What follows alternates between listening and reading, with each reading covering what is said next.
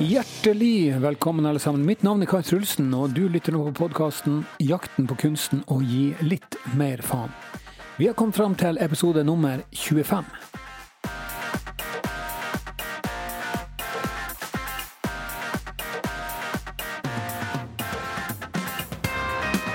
dag skal jeg snakke om eh, ledelse. Ikke det at jeg kan så jævla mye om ledelse. Jeg har studert litt ledelse, og jeg har selvfølgelig vært utsatt for ledelse. Jeg har fungert som leder på eh, mellomnivå, alt ettersom hvordan man velger å se på det. da. Men jeg har litt erfaring som leder, men jeg har også mange tanker rundt dette her med ledelse. Jeg har lyst til å fortelle deg tre historier. Eh, alle er sjølopplevde, eller så har jeg eh, vært midt i eh, skuddlinja sjøl, eller så har jeg observert andre som har utøva ledelse. Det første jeg skal snakke om, den første historien handler om meg sjøl da jeg søkte befalsskolen. Og det gjorde jeg altså tre ganger. Jeg var på tre opptak før jeg kom inn.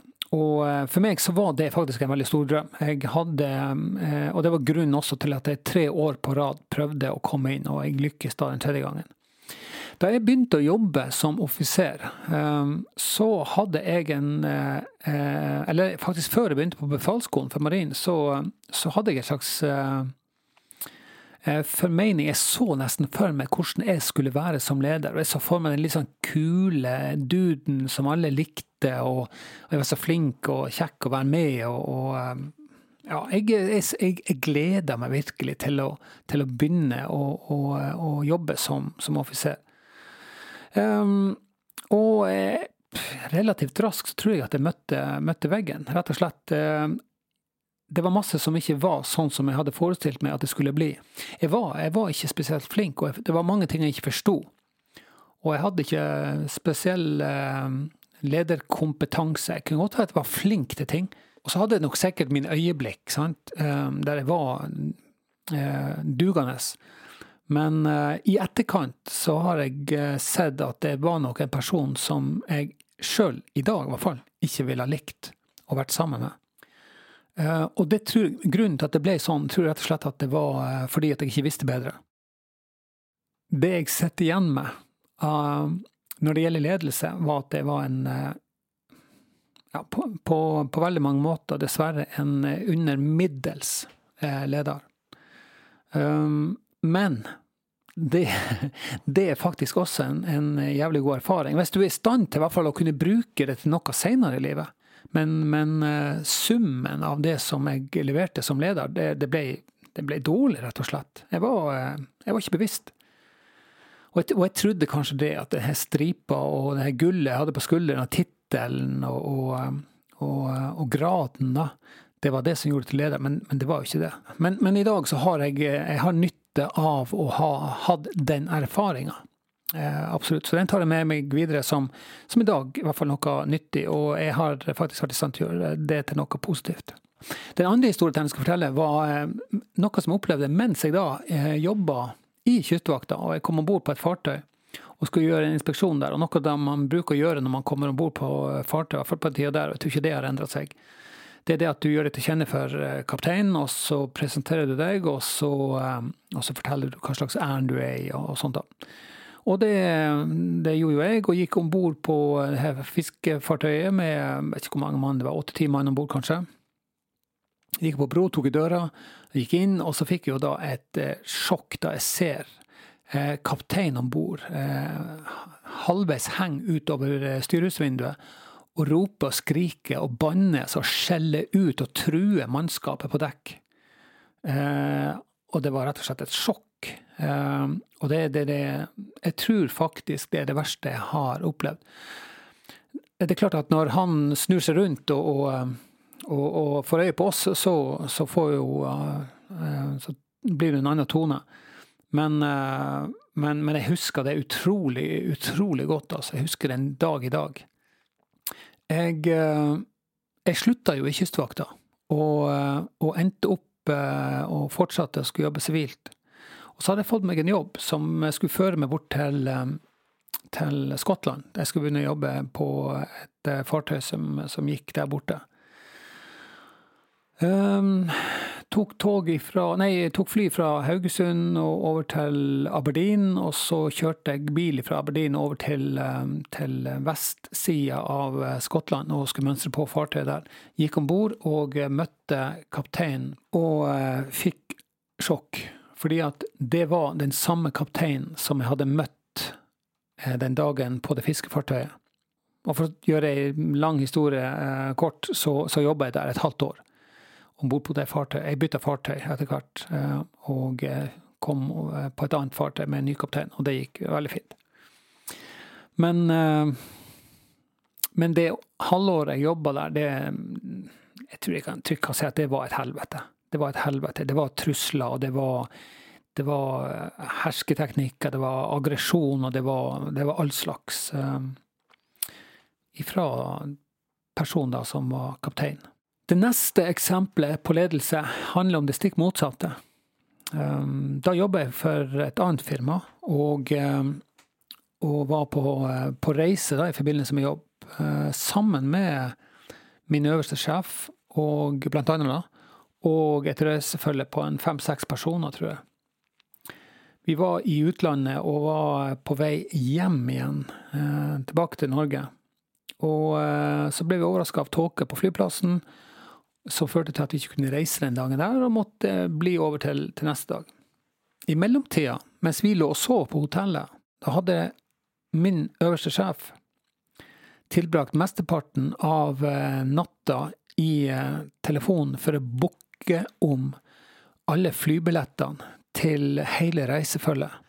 Jeg tror sånn isolert sett så er nok det et av de beste eksemplene jeg har på, på ledelse. Um, og jeg tror nok det at US Marines Jeg lurer på om det er US Marines. Det heter at uh, de har et sånn her mantra som heter at, uh, at ledere spiser sist. Og, uh, og, det gjør de da av omsorg for, for mannskapet. Og, um, og, og, det er en egenskap som, som er så beundringsverdig og sjelden, tror jeg at, uh, at, det er ikke veldig ofte jeg sjøl har, har, sett eksempler på det. Og opplever ledelse på den måten. Uh, at man gjør um, mer enn man får betalt for, og mer enn en hva som er forventa. Så, så, det er noe jeg beundrer hos personer. Hos ledere. Og jeg tror nok, når vi snakker da om Av og til så blir det brukt en slags sånn floskel om at vi er alle ledere. og på Uh, på mange måter så kan du kanskje si at ja, vi er alle ledere. Vi har sjanse til å lede. Uh, og lede ved uh, å gå foran med et godt eksempel. Og, det var jo det han lederen som jeg nå snakker om. Det er klart det blir noe annet hvis du, hvis du, blir bedt om å gjøre det, men i dette tilfellet så var det ingen som hadde bedt han om, om å ta disse telefonene. og det er klart at det var ingen som hadde forventa at øverste sjef i selskapet skulle gjøre akkurat det. Så det var, det var veldig uh, Det gjorde, det gjorde et sterkt inntrykk på meg, som har gjort at jeg i etterkant også har en, en veldig respekt for, for, den personen.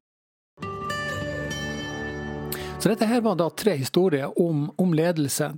Um, og jeg tror at det handler om kompetanse. Det handler om lederkompetanse. Og jeg har lyst til å dra fram eh, Linda Lai sin, sin definisjon på kompetanse. For hun sier at kompetanse er det består av fire elementer. Det består av eh, evner som vi er født med, så består det av kunnskaper, ferdigheter og, og ikke minst holdninger. Eh, evnene det, det, er en konstant. altså Du kan ikke få mer evner eller mindre evner. Du har evner, så bruker du evnene for å eventuelt tilegne deg både kunnskap og ferdighet. Holdning det er X-faktoren oppi alt det her. Og det tror jeg nok at f.eks. Uh, han sjefen som jeg ga eksempel på sist her nå, um, viste en holdning som, som, jeg aldri har sett før. Um, og, um, og, en, og, en, omsorg uh, for folk som, som, jeg aldri har sett før. og holdning er, i hvert fall sånn som jeg tolker det, da, noe som er basert på, på, motivasjon. Og motivasjon er også noe man kan dele inn i to. ikke sant? Man kan ha det som er ytre motivasjon, altså som, som er basert på dette her med straff og belønning. Men så har du også indre motivasjon. da som, eh, som, jeg tror, eh, i hvert fall på de undersøkelsene og studiene som er gjort, som jeg kjenner til, da, der koker det veldig ofte ned til at det er en sånn tre-fire-fem sånne her eh, komponenter som fører til indre motivasjon. Og det er bl.a. Eh, anerkjennelse, det er autonomi, det er kompetanseutvikling, og det er, det er tilhørighet. Og det er da disse her tingene her er med på å føre til motivasjon, som igjen da er med på å føre til, sånn som jeg i hvert fall tolker det da, eh, holdning. Eh, og det er når du har holdning for ting, du har en god holdning, eh, det tror jeg er det som gir deg denne ekstra drivkraften og sjøldisiplinen. Og så kan du ikke snakke om kompetanse uten å snakke om kompetansenivået, for det er også noe som hun, professor Linda Lai snakker om. Og hun deler kompetansenivåer inn i fire, der det laveste nivået er det som da kalles for ubevisst inkompetanse. Og Det betyr at du ikke vet at du ikke vet, at du ikke forstår at du ikke forstår, og at du, du er rett og slett eh, ignorant og helt, helt uvitende. Du kan godt tro og, og, og mene at du både vet og forstår og kan, men, men egentlig så gjør du ikke det. Det neste steget er å være det som kalles for bevisst inkompetent. Og det er jo egentlig en veldig fin eh, plass å være på, fordi at det, det, det, setter deg i stand til å ta noen valg. Du kan, når du forstår at du ikke, at du ikke vet og ikke kan, så har du da muligheten til å tilegne deg de eh, egenskapene som skal til for at du eh, fungerer og yter da, og, og kan bli kompetent. Og Ved å bli bevisst inkompetent, så kan du også da bli bevisst kompetent. Og når du er bevisst kompetent, så er du kompetent når du konsentrerer deg og fokuserer deg om å gjøre de riktige tingene. Da må du konsentrere deg om å bruke kunnskapen, du må konsentrere deg om å bruke ferdighetene dine og, og holdningene dine. Det aller øverste nivået av kompetanse heter ubevisst kompetent. Da bruker du kunnskapen eh, uten å tenke over det. Du bruker ferdighetene dine uten å tenke over det. Du gjør det helt automatisk. Eh, og du bruker holdninger. Du har gode holdninger uten å tenke over det. Du er motivert uten å tenke over det. Det er bare noe som du er. Du har det her drivkraften og pågangsmotet og viljestyrken og, og det her liden, ja, det her passion, som jeg da liker å kalle det. altså Det er jo engelsk, det er samme som lidenskap, men, men, men av en merkelig grunn så har jeg en slags forestilling om at passion er, er mer, det er mer trøkk i persen enn det er lidenskap. For lidenskap er kanskje noe som er sånn her knyttet opp mot romantiske ting. Men persen, det, det er enda dypere fundamentert. Det er hjerteslagene dine, ikke sant. Så, eh, så jeg tror alt sammen, eh, alle disse tre historiene om ledelse som jeg har fortalt deg nå, handler om kompetanse.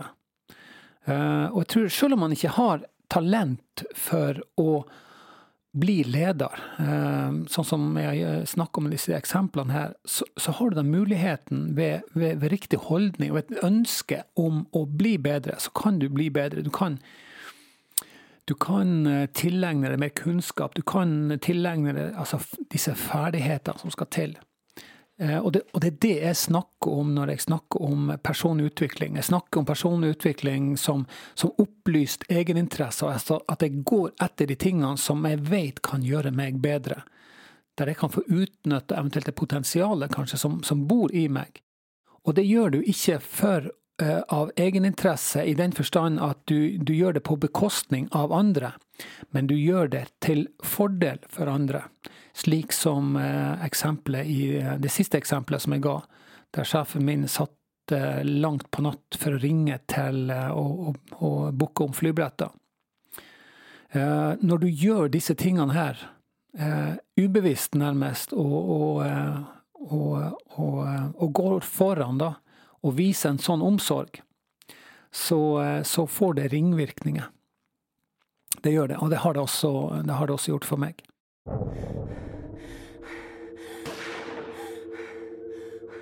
Og du tenker på en person som heter Even. Er du seriøs? altså, det er helt utrolig. Men hvordan vet du det? Nei, det er, en hemmelighet.